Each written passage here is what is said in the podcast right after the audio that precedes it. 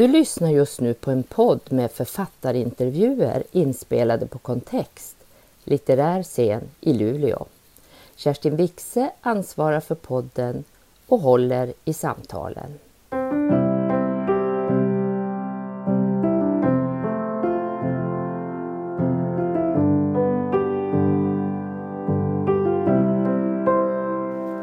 Välkommen ska jag då säga. Det är väldigt roligt att du sitter här. Vi visste ju inte det här med litteraturpris och Augustnominering och sådär, men det hade ingen betydelse när vi frågade dig om du ville komma Vad skönt. Ja, 760 sidor. Det är en tung bok det här i dubbel bemärkelse. Men den är ju inte tung att läsa. Det är ju en eh, bladvändare. Du har valt att vara väldigt berättande i ditt epos. Varför skrev du inte en roman, höll jag på att säga? Mm. Ja, men det, jag blir glad att du säger att den, är, att den inte är tung, för att jag ville gärna ha en sån när jag märkte att den blev lång eh, och stor, liksom, att, den, att den ändå skulle kännas lätt, alltså själva texten skulle vara, och läsningen skulle vara lätt och inte tung. Men eh, det här eh, formen och eposet och sånt, det kom ganska långt in i, i skrivprocessen skulle jag säga. Ja, det var ett skissande och sökande i början och sen så eh, hittade jag den här formen och rytmen och det blev ett, ett sånt här, den episka diktningen som jag ville gå in i. Och då, då kändes det helt irrelevant att skriva en roman, måste jag säga, för att det här tilltalade mig mycket mer. Och jag, jag försökte skriva en romanform också vid någon, med någon tidpunkt. Men eh, nej, jag tyckte inte om det. Det gick liksom inte att berätta då. Jag tänker på hur du har berättat, för att du får rätta mig om jag har fel, men, men det känns liksom som att det finns, ja, det kan jag ju påstå, det finns väldigt mycket känslor i det här eposet. Och ser det som att historien och, och det förflutna, tiden och så vidare är, är, det är ramen. Men berättelsen bärs ju av ett, ett väldigt starkt patos. Har jag läst det rätt då? Eller är det bara mm. jag som mm. läser så? Nej, jag, jag tänker också så. För mig är det ju i första hand fråga om ett antal människor och deras känslor och tankar och, och liksom hur de upplever livet och skeendena. Varje parti i boken jag har försökt i någon mening erfara det själv och känna och liksom gå in i den känslan som den människan upplever i exakt det skedet. Och så. så känslan står i centrum. Och, och så gillade jag liksom att försöka teckna då den här historien mer indirekt, eh, att den ligger lite under alltihop.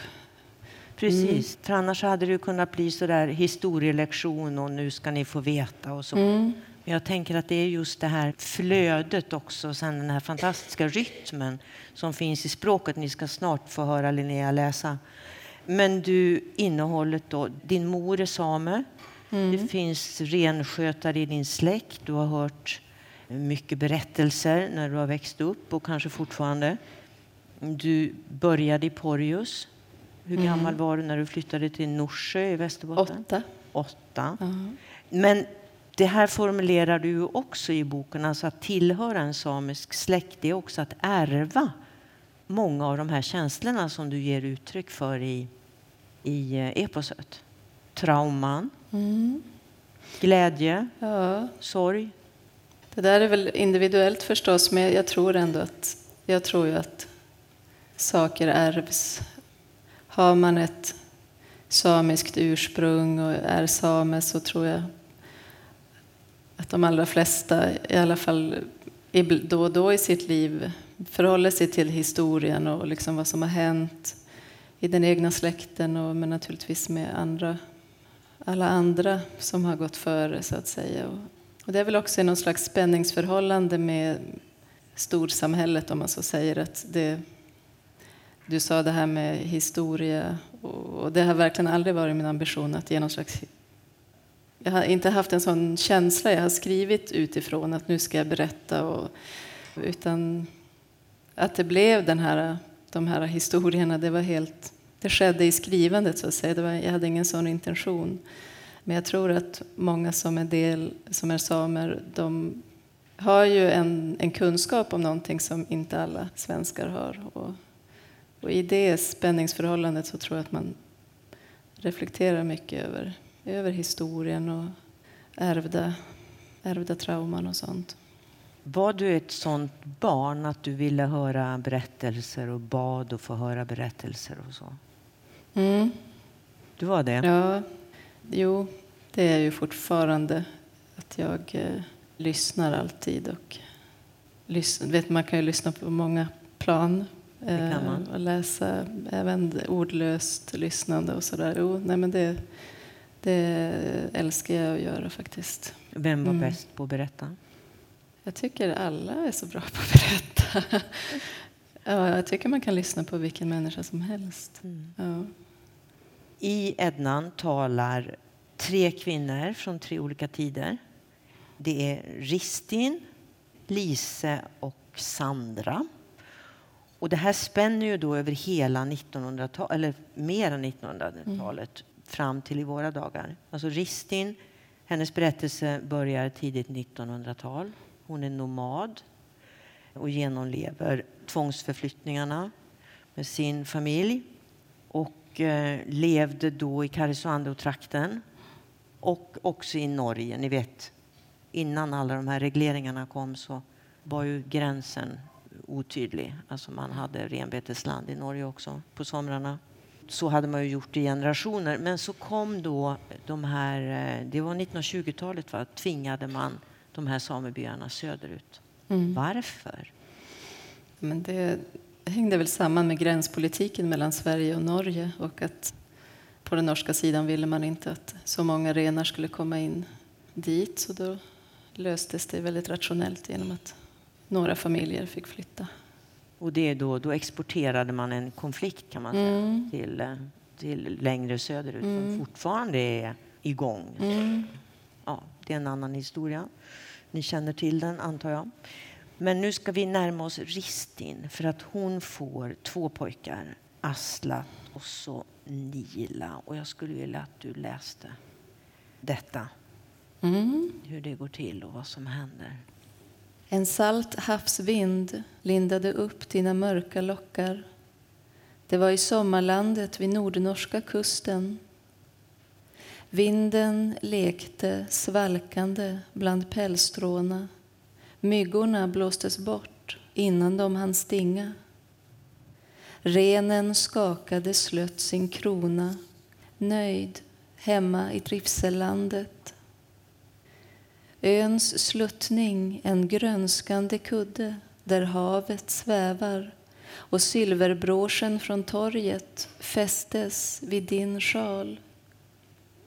I kalvarnas ben spratt framtiden ovist en åt ena hållet, en åt det andra. Då makade sig havsdjupet tyst till rätta omsorgsfullt, lugnt och dolskt. På flyttning mot vinterlandet över glödande höstbetesmarker skulle du föda våra söner två födslar, två söner. Aslat med hårkransen svart som sot, tät som renarnas päls. Lyhörda fingrar som kände familjens märke skuret i renörat. Men den där Nila, bara vågorna förnam han Blåsvart brungrumliga förblev Nilas ögon ett spädbarns beslöjade, djupt lyssnande blick. Kring den blicken var ett ansikte slaget likt en skål som aldrig tycktes ansträngas av eller ens kännas vid sitt innehåll. Stora bitar täljdes från vår renjords livslopp Nilas svaghet gnagde mig in på bara benet. Klösande känslor tog mig som sitt hem. Motvilja, stolthet, skam. Du sa att pojken tillhörde ett känsligare släkte som bara tagit människodrag. Och jag såg något listigt ge sig till känna i den pojkmunnens gåtfulla hälsningar, hans irriterande försök att nå fram. Nej. Du sa att det var ett ansikte som talade om att han till större delen var kvar i det glömda som alla kommer från, havet. Helt enkelt oöverskådligt. Då gav jag min dom. En så svag kan du inte dra med dig på fjället. En sån lämnas bland de bofasta. Den hyser man in på gårdarna, hos svensken. Trätans grin smetades över våra ansikten. Folk gick undan det låg tystnad i kåtan. Men det var förr. Sen gick du med Nila i ett rep från midjan. Inte ett ord ville komma över den svagas läppar. För starkt var han präglad av något från andra sidan slöjvattnet där människan spinner sin upprinnelse. En stjärtfena eller svansstump som skulle ha fallit av. Han borde ha simmat fram och vänt, sa jag den gången. Aldrig att han kommer till nytta i renskogen. Och den som säger det är alltså Ristins man. Mm. Hon föder alltså en pojke som vi skulle säga sinnessvag, eller man sa så då. Men hon vägrar släppa honom. Mm. Vad kommer det beslutet att betyda för familjens liv, skulle du säga? Det innebär ju en praktisk svårighet för henne framför allt. De lever ju delar av året lite åtskilda, hon och hennes man. För han och den äldre sonen är ju mycket ute i renskogen och hon, hon har den här Nila hos sig. Och jag eh, tänkte mycket på vad man kan kalla kanske de svaga och de som behöver hjälp. De människorna och liksom vad man gör med dem. Vad man gör om en sån människa föds in i ens familj och förhållandet mellan kärleksrelationen och det praktiska livet och så. Så han, han innebär ju någon slags bestyr som hon ska hantera. Och hon gör ju det och eh, pappan går ju med på att han ska få följa med dem. Det här är också naturligtvis en tid då man har en annan syn på det här med att vara avvikande och att det är skamfyllt på ett sätt som det ju säkert delvis fortfarande är, men inte, det är inte lika omöjligt att integrera i ett vanligt familjeliv som det var då. Så han, han är ju en svårighet på något sätt. Men jag tänker också att han, när han väl får vara kvar i familjen, blir någon slags påminnelse om något annat, något, an, alltså något annat i människan kanske, något annat i världen, något annat än det praktiska och det. Ja. Jag tänker, det blir ju ett sånt otroligt skarpt läge också i en, en nomadiserande renskötarfamilj där ju alla måste göra nytta. Mm. Och sen händer ju då det här förfärliga. Det är ju Aslat då som ska bära historien vidare och som ska ta över renjorden och så vidare. Och så råkar han ut för en olycka. Mm. Och vad innebär det? Ja, han råkar ut för den här olyckan och det blir ju på något vis egentligen början på en nedåtgående spiral för den här familjen. Det innebär ju naturligtvis sorg och smärta men också det här att framtiden tar en, ny, tar en annan gestalt på något sätt. Och eftersom han då skulle fortsätta i renskogen. Det är också något jag har tänkt på när jag har skrivit det här, liksom vad som radikalt förändrar ett liv. Eh, det kan ju vara slumpen, ödet, det kan vara olyckor, politik naturligtvis som ju verkligen griper in i människors liv. Så det blir ju Aslat som blir lämnad hos svensken? Mm. För det är det som händer? Mm. Där hjälper inga rep. Han kan inte, han kan inte, röra, han kan liksom inte gå. Mm. Han, han ramlar ut för en klippa och blir, kan inte längre gå och uh, blir inhyst. Mm. Och då skrev jag ett parti i boken där, som egentligen handlar om liksom en förälders beskyddarinstinkt där Ristin, när hon, när hon träffar honom första gången efter olyckan och sitter med båda sina pojkar och den ena är argare än den andra och liksom att hon, ja, men jag, nu ska det bara vara vi tre och vi ska dra oss undan från världen och jag ska aldrig mer flytta efter renjorden. Men hon gör ju naturligtvis det ändå och hon, de hyser in honom på en gård och eh, livet måste fortsätta på något sätt. Men han, han eh, tar ju sitt liv där till slut och finns med som någon slags anderöst senare i boken. Och då när jag läste om hans självmord, det var ju väldigt, väldigt smärtsamt. Liksom. Och så tänker man också på alla rapporter idag om unga renskötare som ligger lite för högt i statistiken jämfört med oss andra mm. av självmord. Det är inte något ovanligt Nej. eftersom det är ett tufft jobb. Uppenbarligen. Men du, det här med att Aslat är kvar i familjen. Han tittar liksom till dem, han har koll på mm. vad de mm. gör och vart de tar jorden och så vidare. Kan du känna, kan du känna så att, att du har lite förfäder med dig? Mm. Jo, ja, det, kan jag ju, det har jag upplevt.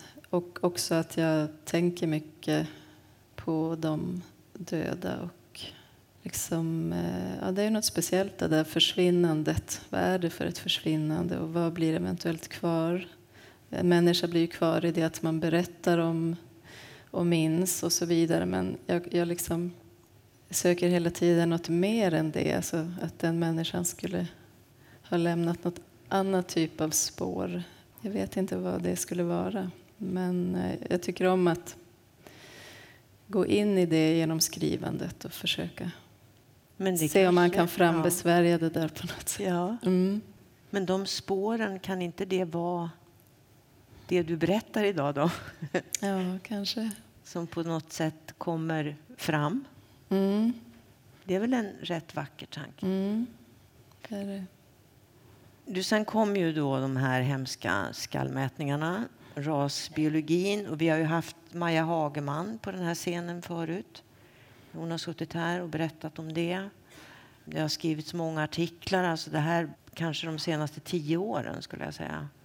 Filmen Sameblod det var också väldigt starka scener i den. Den har ni säkert sett, många av er. Och du skriver också om det. Det är omöjligt att komma förbi. Eh, ja, jag tänker det i alla fall. Att det, det var ändå så pass vanligt under den perioden och att jag upplever att det ändå är någonting av det där som har dröjt sig kvar känslomässigt så jag tycker det är svårt att gå förbi faktiskt om man går tillbaka i historien. Svenskens fingrar i hela min mun. Kläderna spridda överallt på golvet. Jag som trodde det var för mina onda tänder reseläkaren kommit. Med hårda redskap mätte han mig, skriftlärda män i varje vrå. Med sylvast pennskrap gick de igenom mig. Jag förstod att en kortväxt typ tog gestalt på deras papper. Med kungligt bläck tecknades det rasdjuret. Vår lydnads bojor knäppte upp mitt hemsydda bälte. Mina bröst hängde deras avsmak lyste. Jag såg hur de rynkade sina smala näsor och skrattade samtidigt. Min vän intill mig fick snabbt på mig kolten. Sen översatte hon tyst deras fråga om hur vi gjorde vid mensen. Bakom läkarens axel kyrkoherden. Jag hörde honom säga på finska deras män dricker så Gud gråter och djävulen skrattar. Och skammen slog rot i mig för mitt mörka hår och mina mörka ögon. Utanför ladan väntade huttrande min väns döttrar på att få sin behandling och min stackars Nila fiskades fram Jag vet inte varifrån. En kamera riktades mot hans upprörda ansikte tills han bara sjönk genom golvet. Jag såg dem trampa på honom med grova kängor. Höga stolar drogs fram och de satte sig på honom. Jag märkte hur stor han hade blivit, inget barn längre, där han stod vilsen och stum bland deras nakna händer som tog på honom.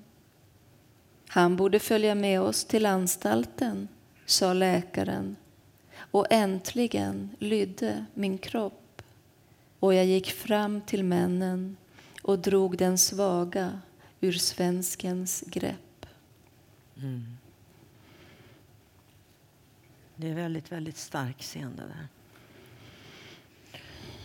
Oh, du, ehm Ristin som går fram och räddar sin son i det här läget. Men till slut så sitter hon där i vattenkraftsamhället Porjus i en liten lägenhet.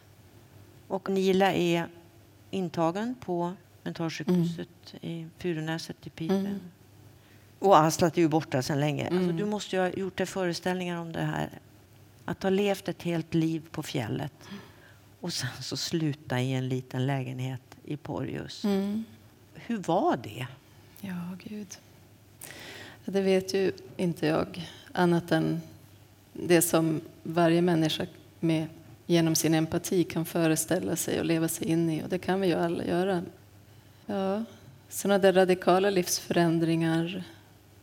Jag tror också när det sker så sent i livet och så, det kan, måste ha varit väldigt svårt. Och, eh, för dem, för Ristin och Per blir det ju också någon slags att det blir bara för mycket. Jag har liksom tänkt mycket på sånt. När blir det för mycket? När har man fått vad man tål? När känner man att livet går en ur händerna? Och de, för de, det är liksom den här rörelsen, först för Aslats olycka, hans självmord, tvångsförflyttningen.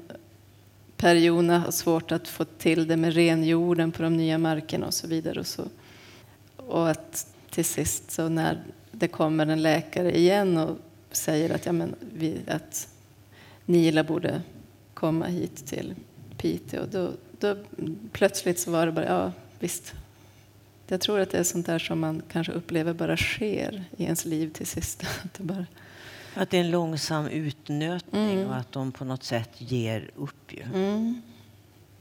Det är väldigt mörkt. Men sen är vi ju då ja. plötsligt faktiskt framme vid 70-talet och mm. i den här lägenheten där eh, Ristin har bott bor det nu en kvinna som heter, en samisk kvinna som heter Lise mm. med sin familj. Och hon känner ju till Ristins mm. historia. Hon känner också liksom att Ristin är där och kollar till henne ibland. Mm. och sådär. Mm. Hon är gift med en svensk, Rolf, och de har två barn eller kommer att få det så småningom. Hon växte då upp på 50-talet och det finns en väldigt fin strof där i, en, i ett avsnitt som börjar på sidan 207. Eh, kort. Det, det finns en strof där som jag fäste mig vid särskilt. Att hon nog inte alltid kunnat skilja naturen från ja, sig själv. Mm. Kan du inte läsa det stycket där den strofen finns med? där?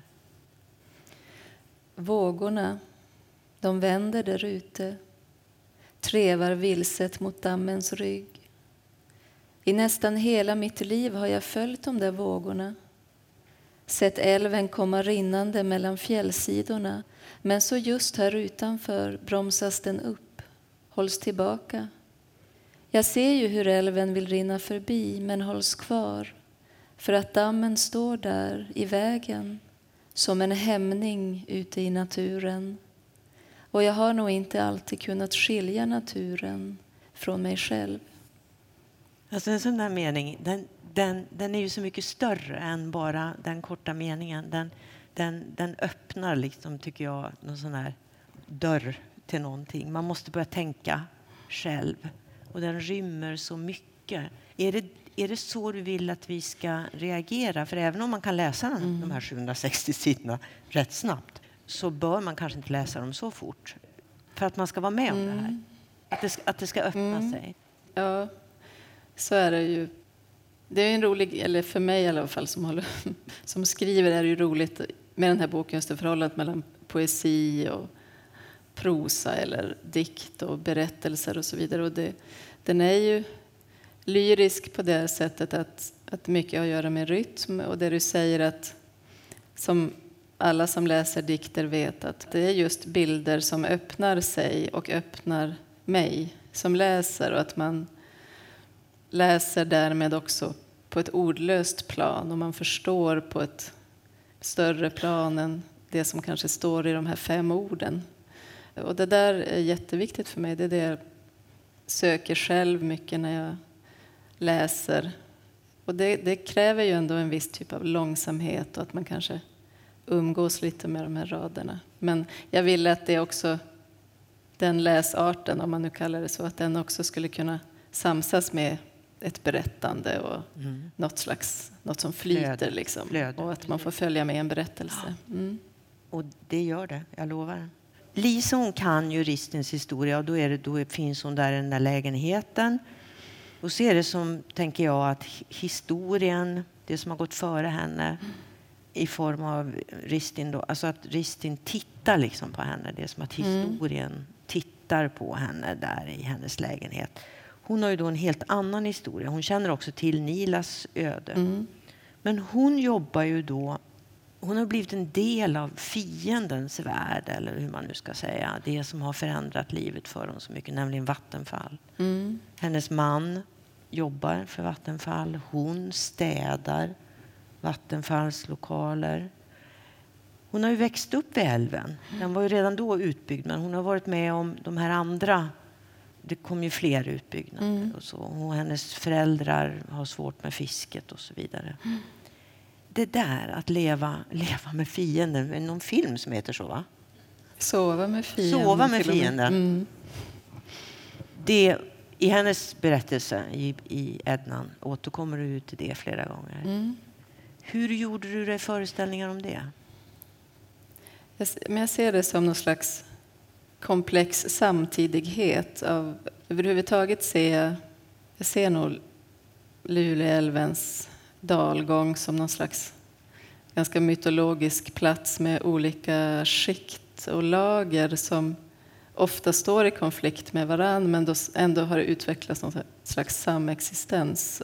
Så att jag tror att, att när hon hon är ju ungdom på 70-talet och liksom det är väldigt politiskt och arbetarklassen tar ton och liksom att hon dras med lite i det och vill jobba och vara självständig och då finns Vattenfall där. Jag ser det som inte alls konstigt att hon hamnar där samtidigt som hon men som delar sina föräldrars lidande med, med fisket och liksom känner en ilska över det.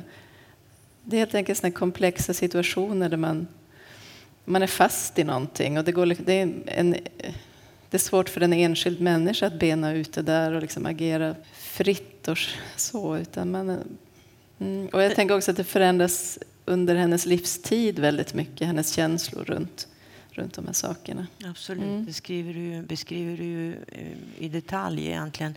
Du antyder ju också där i någon text att hon kanske redan hemifrån så har hennes mamma hon har sagt liksom att du är alldeles för opraktisk för att kunna leva som same ungefär.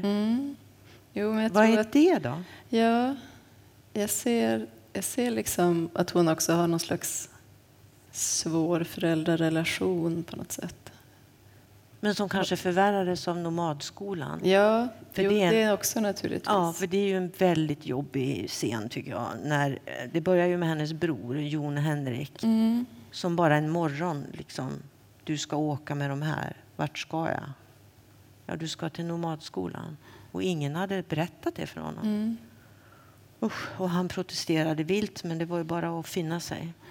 Och så först åker han och han förändras väldigt mycket. Mm. Och sen åker ju hon, Lisa. Vad händer med dem på nomadskolan? Jag tror att de, eh, Lise och Jon Henrik, de, liksom, de är så små, de är ju sju år när de flyttar och att de upplever den första tiden på skolan. Det här att jag är ingen här. Det är ingen vuxen här som bryr sig särskilt om mig, som tar hand om mig, utan jag är ett av alla barn. Och jag kan inte förvänta mig kärlek från de vuxna som finns här. Jag tror att de blir ganska slutna snabbt. De stänger. Och språket? Och så får de inte prata samiska. Och dessutom är det ju så att det fanns en idé med nomadskolan från storsamhällets sida att de barnen skulle inte behöva lära sig allt det som de svenska barnen lärde sig i sin skola, för det behövde de inte. Mm. Vad är det för tankegods som skapar en sån idé? En sån föreställning? Ja, alltså, samers, eh, samiska barns skolgång har ju sett så olika ut i historien, men det är klart att det har funnits ett sånt skede där, eh, där det fanns den här eh, lapp ska vara lapptanken, att samer ska inte få samma undervisning som andra barn och ska liksom vara del, fortsätta vara del av sitt eget samhälle så att säga. Lapp ska vara lapp. Ja, men det är ju också ett sätt att stöpa orden. Man kan ju, om man är mer konspiratorisk så det är en ganska smart strategi för att hålla den gruppen politiskt svagare. Så det kan ju finnas olika motiv bakom sånt. Men det som Lise upplevde i, skolan var ju snarare tvärtom, att hon så tvångsassimilerades in i det svenska och skulle lära sig svensk historia och känna beundran för svenska kungar. Och, vilket, ja, det är klart att hon ska... Men det är just det där att eh, den värld som hon dittills hade levt i plötsligt är osynlig. Mm. Och den får hon inte veta någonting om. Nej, den, och den försvinner också då sakta för henne på, mm. på många plan. Men det finns ju kvar någon sorts, jag vet inte vad det är, någon sorts skamkänsla eller någon sorts minneslucka som hon inte vill öppna. Alltså när till och med hennes egna barn så småningom säger mamma berätta om, om nomadskolan och så, så gör hon ju aldrig det. Nej. Hon vill inte. Nej. Varför? Jag tror att hon, att hon lärde sig, alltså hon började stänga inne så tidigt för att hon, att, att hon skyddade sig genom att inte prata om känslor och eh, sina egna känslor naturligtvis. Så jag tror att det är något som, ja, den präglingen gick så djupt på något sätt. Att det här att, att stänga in sig. Och jag har ju sett henne mycket som någon slags, eh, det här som du bad mig läsa, den här eh, att hon inte kan skilja naturen från sig själv. Att hon, det finns någon identifikation med älven och hur den är liksom uppdämd. Det är något som har samlats, som bara ligger där och trycker på något sätt. Och att hon hon får inte flöda. Så det tror jag att hon... Men sen kan jag också tänka när det gäller hennes relation till barnen att Sandra, hon är ju som, hon är inte så finkänslig när hon, hon kan ju be sin mamma berätta om jättesvåra saker så här, typ vid middagsbordet en torsdag. Ja, men, ni vet, alltså, jag, jag, tror absolut att Lise kan prata men det ska vara liksom rätt tillfälle. Rätt tillfälle och det kanske inte händer så många gånger. Det finns ju en del i boken när hon, de är ute och åker bil tillsammans.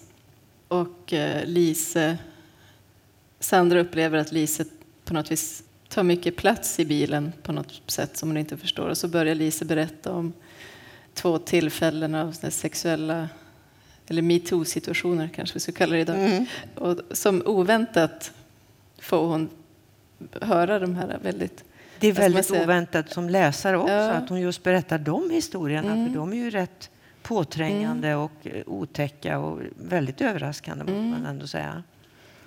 Men det är en bra bild det där med att hennes känsloliv är som den uppdämda Luleälven. För vad händer då om man öppnar dammluckorna? Mm. Det kan ju bli total översvämning förstås. Mm. Och för Lises del så känns det ju som att många av hennes minnen handlar om förlust också av språket. Och där mm. bad jag dig läsa någonting. För jag menar, hon tillhör ju den här generationen som, eh, som förlorade sitt språk utan att egentligen förstå vådan av det. Nej, det, det bara förstår man ju så. efteråt ja. som vuxen. Mm. Mm. Det svenska språket växte längs tankarna. Samiskan sov sedan länge i kroppen av skam under lydnaden tilltäppt, sluten inom sig, rörde sig rösten knappt märkbart, nästan omöjlig att rubba. Den svenska historien om äregiriga kungar, mäktiga, stora nationer lyfte hela klassen mot dyrkan, närmare dyrkan. Men om vår egen historia stod inte ett ord. Som om våra föräldrar och vi aldrig funnits, aldrig format någonting. Mitt hjärta fick se en härskande kropp lösgöra sig från världen av kroppar. En hjältes härskande kropp. Jag var inte avvisande mot den strålande kroppen, inte okänslig inför det stora.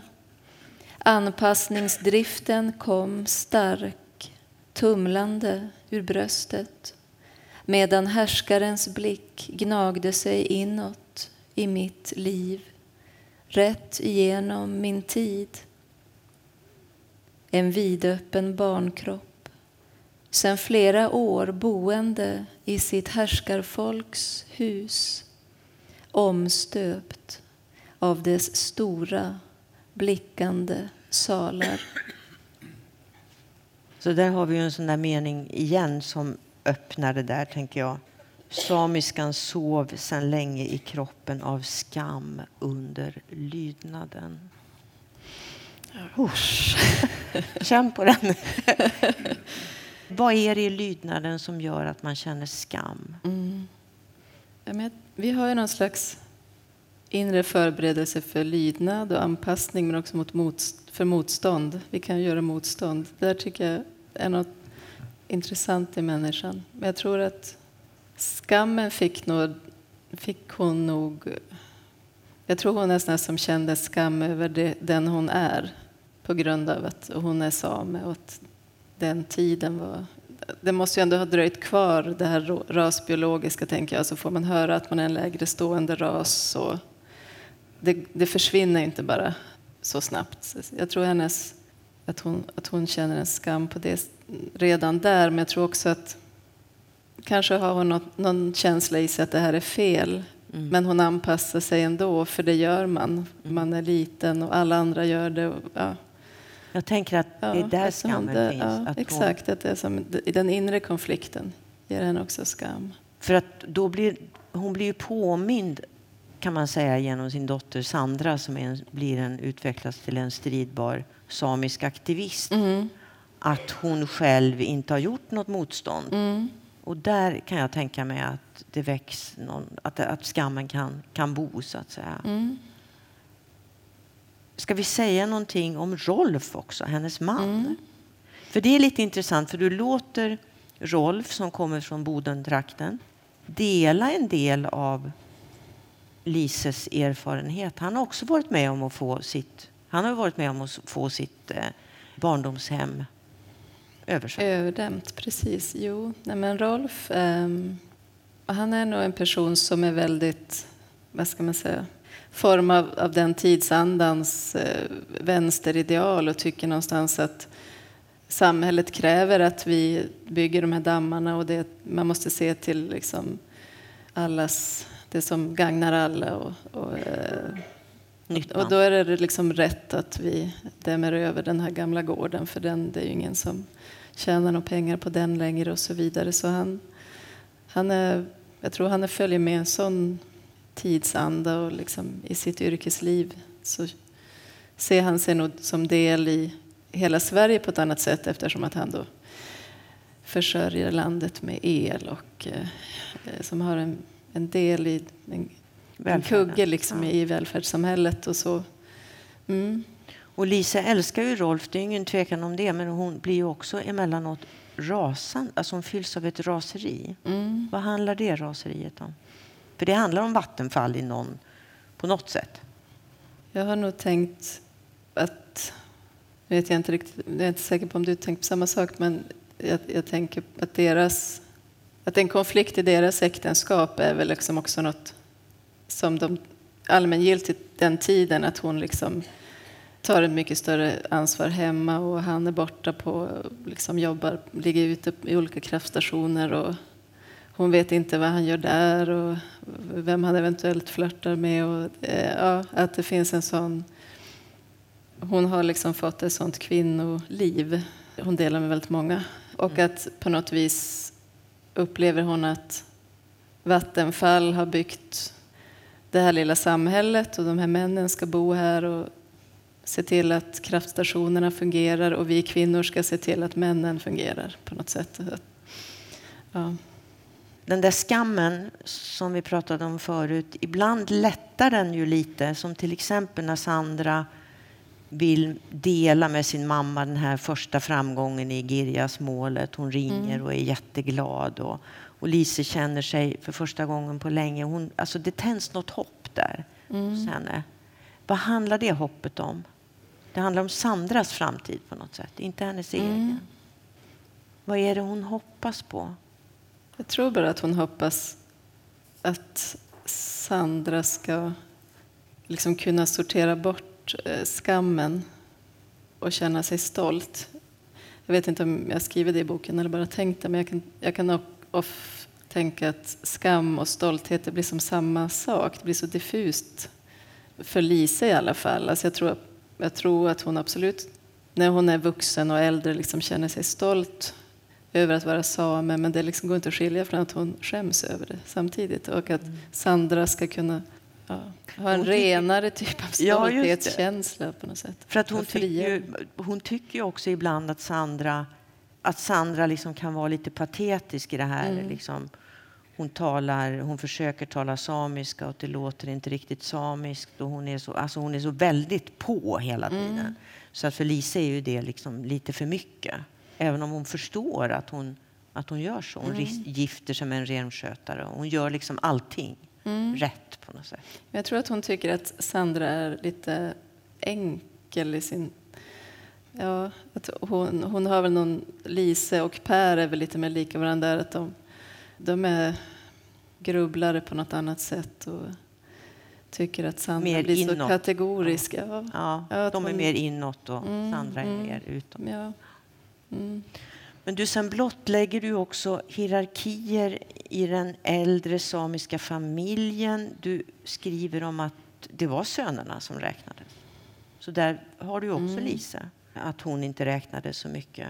Mm. Det finns en, det finns en, en scen där när Lise då i Porjus försöker få sin mamma, som fortfarande bor kvar vid älven, att komma och äta middag. Mm. Och det säger hon att jo, jag kan komma, men, men... Eller det säger hon inte. Hon kommer bara om hennes son också kommer. Mm. Alltså Lises bror. Mm. Och då säger Lisa, om han kommer, då kommer mamman. Sen kommer ju aldrig sonen. Nej. Och då åker hon hem. Mm. Det är ju rätt hårt. Jo, nej men det... Men ser du ett hopp där? Börjar de här strukturerna, Mm. de är i skakning? Ja, det tycker jag. Alltså, jag, jag tycker alltid det är så svårt att prata så här, mer generellt. Det här känner jag som mig och mina tankar och sådär. Men, men eh, ja, det samiska samhället har ju varit patriarkalt som allt, alla andra. Liksom. Där utvecklas det ju också. Och det är likadant med diskussionen som du också tar upp och låter Sandra gå in i den här diskussionen om vem är same. Ni vet hela den här diskussionen, Mm. halvsame, helsame, Mm. renskötare, det är bara renskötare som räknas. Nej, det är inte alls bara renskötare som räknas. Vem räknas egentligen och så vidare. Det där är också strukturer som är under omvandling. Går det tillräckligt Mm. fort tycker du? Jag tycker aldrig att samhället förändras tillräckligt fort. Det går jättesakta. Det tar tid. Ja. Att se då den samiska historien, om vi pratar om just de frågeställningarna, att se att just det här, den, den diskussionen om vem är same och vem får vara same och vem är den riktiga samen, Mm. att det är ett spår av kolonialismen. Då behöver man ju historien. Mm. Ja, det är ju ett tydligt spår. Det ser man ju i alla, alltså världen över där, där man har haft sådana här koloniala historier. Även om de kan skilja sig väldigt mycket åt så är just det arvet ju väldigt tydligt. Det här som har att göra med tillhörighet och eh, att när eh, liksom den dominerande gruppen har gått in och bestämt över minoriteten och sagt okej, vi bestämmer att de här får de här privilegierna och de här får inte det och de här räknas och de här räknas inte. Och det är gjort liksom utifrån, det är inte något som kommer från en kunskap inifrån kulturen. Det är klart att sånt tar jättelång tid, att det skulle kunna läka ihop. Och, liksom, mm. och det är ju så det ser ut. Ja, det är det. Och det där med historien, jag tänker på i lilla Porjus då så kommer det då plötsligt 200 flyktingar till en flyktingförläggning. Jag tänker på det du säger med världen över och mm. historien. Mm. Nu är det inte nomadiserade urfolk som flyttar dit utan det är flyktingar. Mm. Men där ser ju Lise då plötsligt ett samband. Mm. Både med i språkfrågan men också i det här att hon plötsligt känner ja, här är alltså människor som ja, nu har förlorat sitt språk delvis, de har förlorat sitt land, de har, de har gemensamma erfarenheter. Mm. Men hon kan inte jo. dela dem med dem heller. Det är språkbarriärer. Nej, hon kan precis. känna det. Ja, men hon känner ju... Hon går ner till det här språkcaféet som de har in, startat i Porjus för att hjälpa flyktingarna med svenskan och hon går dit och de här ungdomarna kan ju bara engelska och hon kan ju inte det så bra så de kan ju inte mötas. Men de, det, det, är ändå liksom, det sker ett, en kontakt mellan henne och en ung man där. Och, hon, hon, hon, känner sig också väldigt förstådd av honom. Just det. Mm. Och sen finns det en väldigt vacker passus där när, när det är en samisk familj som kommer in som pratar mm. den dialekten mm. som hon växte upp med. Mm. Och hur de sitter där helt stilla vid sitt kafébord och riktigt njuter av att höra det språket. Mm. Det är så fint. Och hon tycker också att det är fint. Hon, blir inte, hon börjar inte gråta eller så. Hon, eller gör hon det? Nej. Nej. Nej.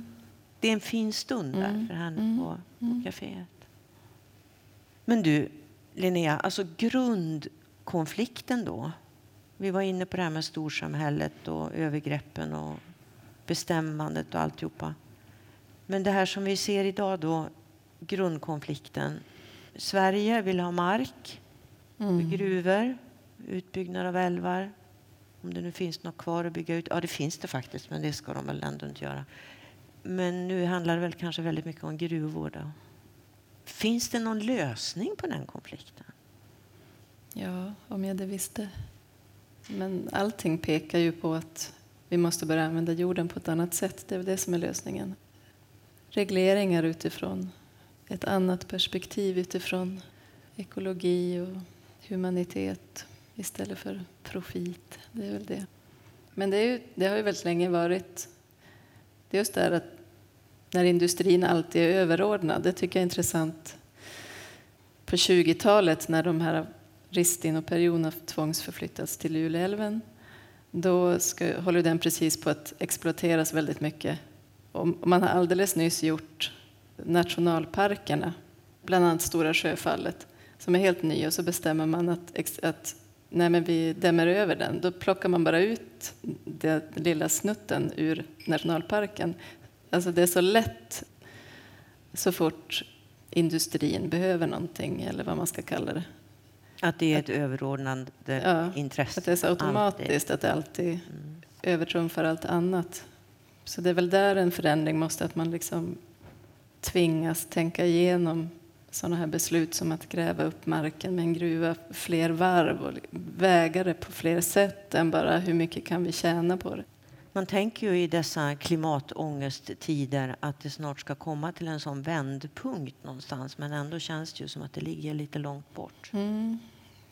Du har några passusar mot slutet av eposet där du skriver väldigt fint om, om en sorts vädjan nästan om att ja, men ändå lite lyssna på det vi vet och det mm. vi kan. Vi har någonting att komma med. Den samiska kulturen har någonting att bidra med. Och att det är som att inte ens den rösten får finnas när industrisamhället slår mm. till. Mm. Sen knyter du då ihop eposet på olika vis Dels med berättelsen om Nila som plötsligt kommer tillbaka. Mm. Den här pojken ni vet i början. Ristins son som hamnade på Furunäset. Lises familj åker plötsligt ner till Piteå Mm. för att leta upp hans grav. Ja. Vad var nu det för påhitt? Ja, gud. Nej, men jag tror att... Jag vet inte varför Nila går igenom hela boken, men han var på något vis för mig en startpunkt, en, liksom en människa jag såg väldigt tidigt i skrivandet för mig. Och eh, jag gillade att han liksom... Han kan inte prata och han... På, på ett sådär nyttoplan duger ingenting till. Sådär. Men att han ändå får vara som en central person i sin familj för att han ger den här... Han lär dem om någonting annat i världen. Eh, så därför vill jag att, man, att han liksom får följa med genom att man minns honom och berättar om honom. Och Lise har ju fått höra talas om Nila av sin mamma. Men hon har ju själv inte träffat honom utan han är liksom en berättad person. Och jag tycker väldigt mycket om, om det där. Jag har också själv sådana människor som jag, min mamma har pratat om som är jättelevande fast jag aldrig har träffat dem. Jag gillar det. Den dimensionen av berättandet, att det kan verkligen skapa liv om man så säger. Så Nila är viktig för Lise på något sätt som hon inte ifrågasätter. Hon är bara intresserad av honom och får för sig att de ska åka till eh, Furunäset och leta efter hans grav. Och Rolf tycker väl att varför ska vi åka dit? Ja, så de bråkar i bilen om det där. Men, men Per och Lise går runt och letar efter den där graven. Och det blir något fint ögonblick mellan dem istället. Det är det som Mm. bil, den där bilturen re- mynnar ut i. Men sen så har du ett slut till på eposet och det är ju Sandras mormors begravning. Mm. Och där tänkte jag på en detalj bara. Där, det var med prästen där. Där är det som att prästen, för då gör man ju så att man, om prästen inte har träffat den döda så vill man då veta vem hon eller han var. Och prästen försöker då få reda på någonting om Sandras mormor men får inte reda på nästan någonting. Det är som att tystnaden exporteras dit också. Mm. Varför får hon inte veta något? Hon fick väl veta lite, men det är väl det här att de berättar liksom kanske det mest allmängiltiga, allmänmänskliga. Så jag tror hon sökte något personligare, något mer specifikt och det, det delade de inte. Det ville de inte Nej. dela. Nej. Men det har ingenting att göra med kyrkan. Var det en sån? Mm, du tänkte tänker så? du, eller? Nej, det, alltså, det hade det kunnat vara förstås. Kyrkan har ju haft en, varit liksom ett av de verktyg som används för förtryck och så. Men nej, jag tror mer det hade att göra med det här svåra med att Alltså att just när människan också precis har dött, det är så otroligt svårt att formulera. Eftersom man också fortfarande inte, man har inte förstått att människan är borta. Jag tänker att det är en svår sak.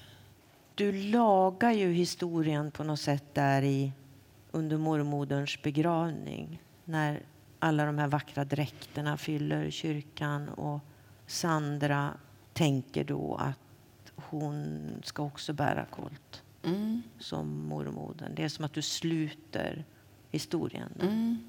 Och de här klädesplaggen hade betydelse för dig när du skrev. Du har skrivit en del om dräkterna.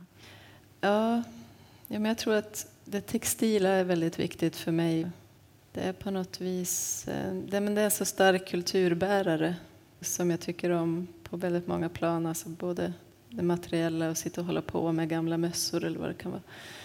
Också så här kära ägodelar som människor har burit eller klädesplagg människor har burit och så.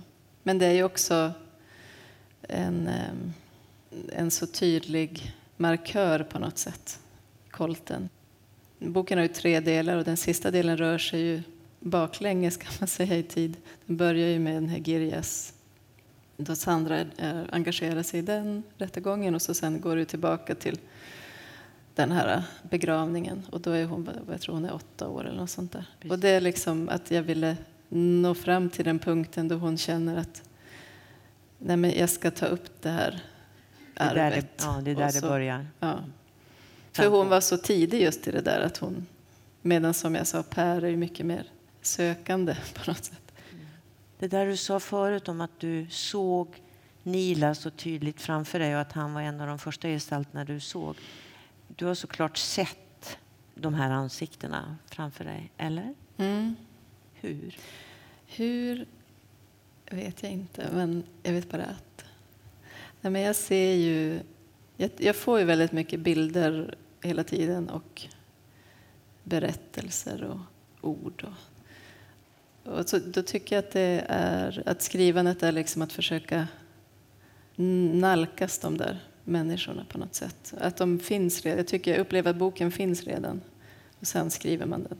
Den finns i oskapad form. Eh, ja. Så att jag, jag, tycker det är väl en väldigt visuell sak. Finns det då människor i den där oskapade formen som inte vill vara med? Mm. Det gör det? Mm. Vilka är de då? Ja, de kanske kommer tillbaka, tänker jag. när, när de... Ja. Skrivandet är ju liksom... Jag upplever det som en dialog. Och man, även om jag känner det som att det är något som kommer utifrån så är det samtidigt en rörelse att man tar från sig själv hela tiden och använder hela sig själv. Och det måste man göra och inte gardera sig.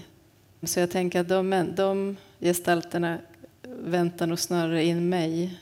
De vill inte vara med i den här boken? Nej, att det är något det är inte den som måste förändras i mig liksom, mm. för att jag ska kunna se dem. Mm. Mm. Hoppas de dyker upp i nästa. När jag nu tänker tillbaka på de här 700, vad sa jag, 60 sidorna och så tänker jag på det där med känslor igen så känns det ju som att det känns lite som att Ristins första berättelse att där finns det rätt mycket glädje och ja, vidder. Och den är tung, men den är också lätt på ett annat sätt, den berättelsen. Och så kommer Lise, där är det väldigt tyst liksom, och sorg och glöm och uppdämt, som du säger.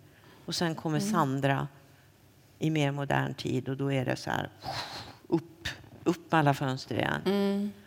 Och även om det inte är muntert så är det, finns det ju liksom någon sorts hopp där. Mm. Har du sett det så? För samtidigt så över hela boken ligger ju ändå en sorts sorg. Mm. Och vemod och saknad.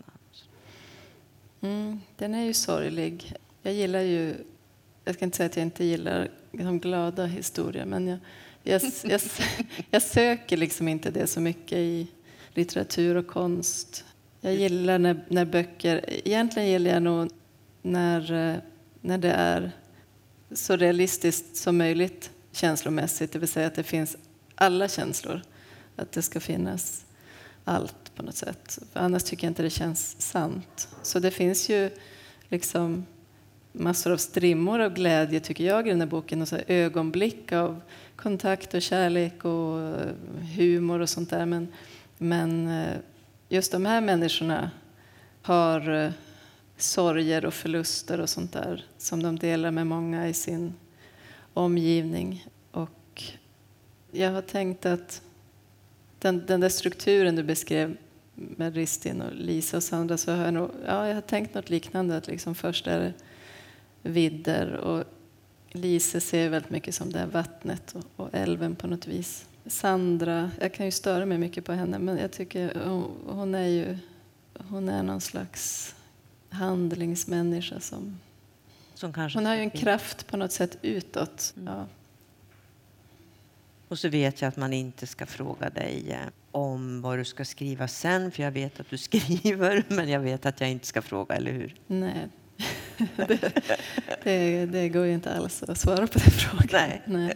Det kanske är de där bort, de där som gick i förra, de kanske kommer. Mm, vi får inte skrämma bort dem. Tack Linnea för att du gav oss Ednan. Tack för att du kom. Tack.